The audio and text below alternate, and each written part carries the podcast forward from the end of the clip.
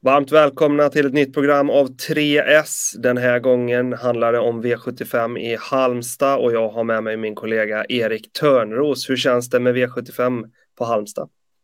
V75 eh, är alltid intressant, men eh, det är lite speciellt den här omgången när det lyser rött i listorna och ja, det är många som rycker skorna. Man får ha lite extra koll där.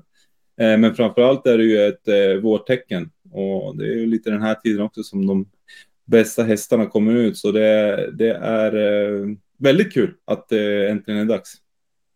Vår låter ju som ljuv musik här. Det här med barfota bara. Hur mycket tycker du det präglar omgången den här gången?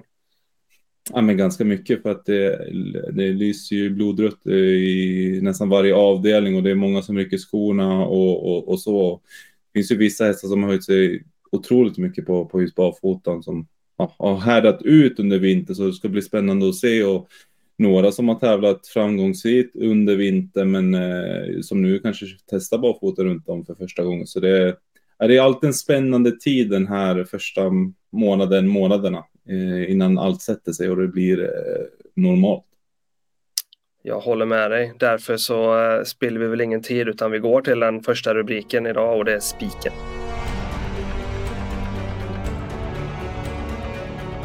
Omgångens singelsträck hittar vi var då, Erik?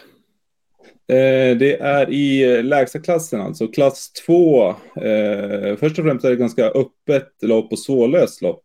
Men det är en häst som sticker ut här för oss. Och det är nummer 9, Vancouver High, som vi ser bilder på här nu när han spurtar väldigt bra bakom Joakim Lövgrens kapabla Y-Towns Magnifik. vi han är ju andrahandare i, i nuläget och det gillar vi skarpt och framförallt läget för honom också, spår 9.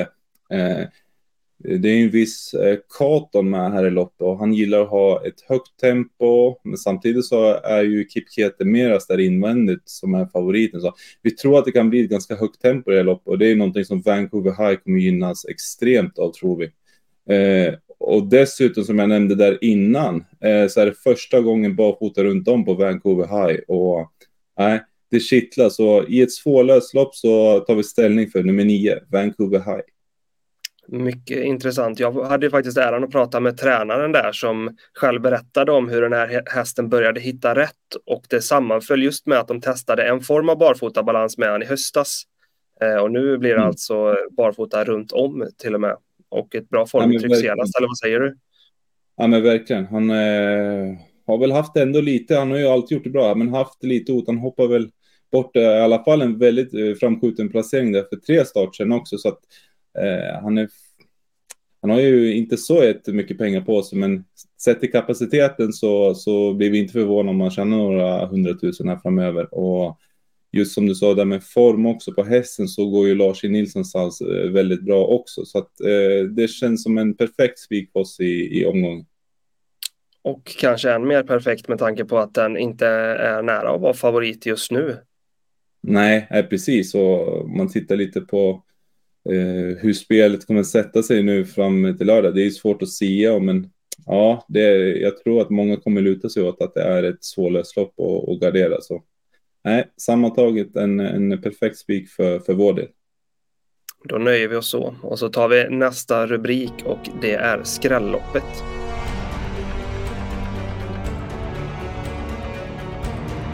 Loppet där det ska hända saker och gärna skrälla. Vilket är det?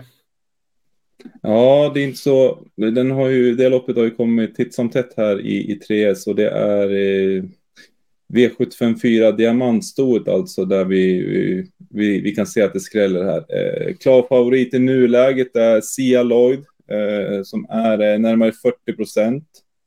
Eh, hon har ju gjort det bra på slutet och det är lite intressant skoryck där också, men det är ingen vi litar helt på. Eh, det kan mycket väl bli svar om ledningen där. Eh, till exempel MT Tomorrow's Hope som är väldigt snabb ut och trivs där framme. Urberg i och har fått en invändig strykning och så har vi nummer ett, Bonnie Vibb också som är, är startsnabb. Så att äh, vi, vi letar här bakom och, och hoppas att det skräll.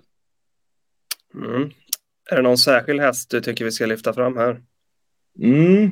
Det är nummer 14, Capiroska Font, som gör första starten för Björn Goop. Eh, Eh, först och främst så har hon ju mött ganska eller, bra hästar i Italien och gjort det bra och vunnit. Eh, eh hon, eh, ja, hon har ju gått mycket ledning i Italien men också gått bra bakifrån och framförallt lite, över lite längre distanser också. Hon har ju testat på Frankrike så styrkan eh, är god och ja, kapacitetsmässigt så tycker vi att hon höjer sig rejält mot många andra här och hon är under 10 procent i nuläget och det, det känns klart intressant. Sen så får vi se lite där närmare så det är anmält skor runt om men hon har ju tävlat ofta barfota runt om i Italien så man får ha lite koll där. Det skulle ju vara än mer intressant om det skulle bli något skoryck men Capirosca Font i diamants-OS ska man inte missa.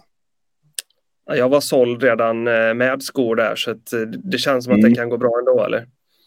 Ja men verkligen. Det, det, hon har ju mött uh, väldigt bra hästar i, i Italien. Hon höll uh, väldigt bra i ett voltlopp och hon stod ju förvisso 40 meter före en häst som Bocadamo men hon höll väldigt bra då och ja, hon, eh, hon är kapabel för, för klassen.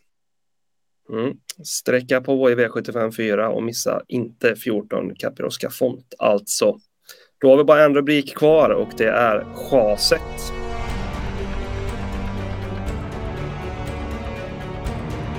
Och då handlar det om en betrodd häst som är lite för betrodd för vår smak. Vad har du hittat här Erik? Mm, vi pratade lite där om Lars Nilssons stallform. Eh, vi kommer faktiskt chasa en häst eh, från just hans stall här, nummer fem, Here's Johnny Sox i V756.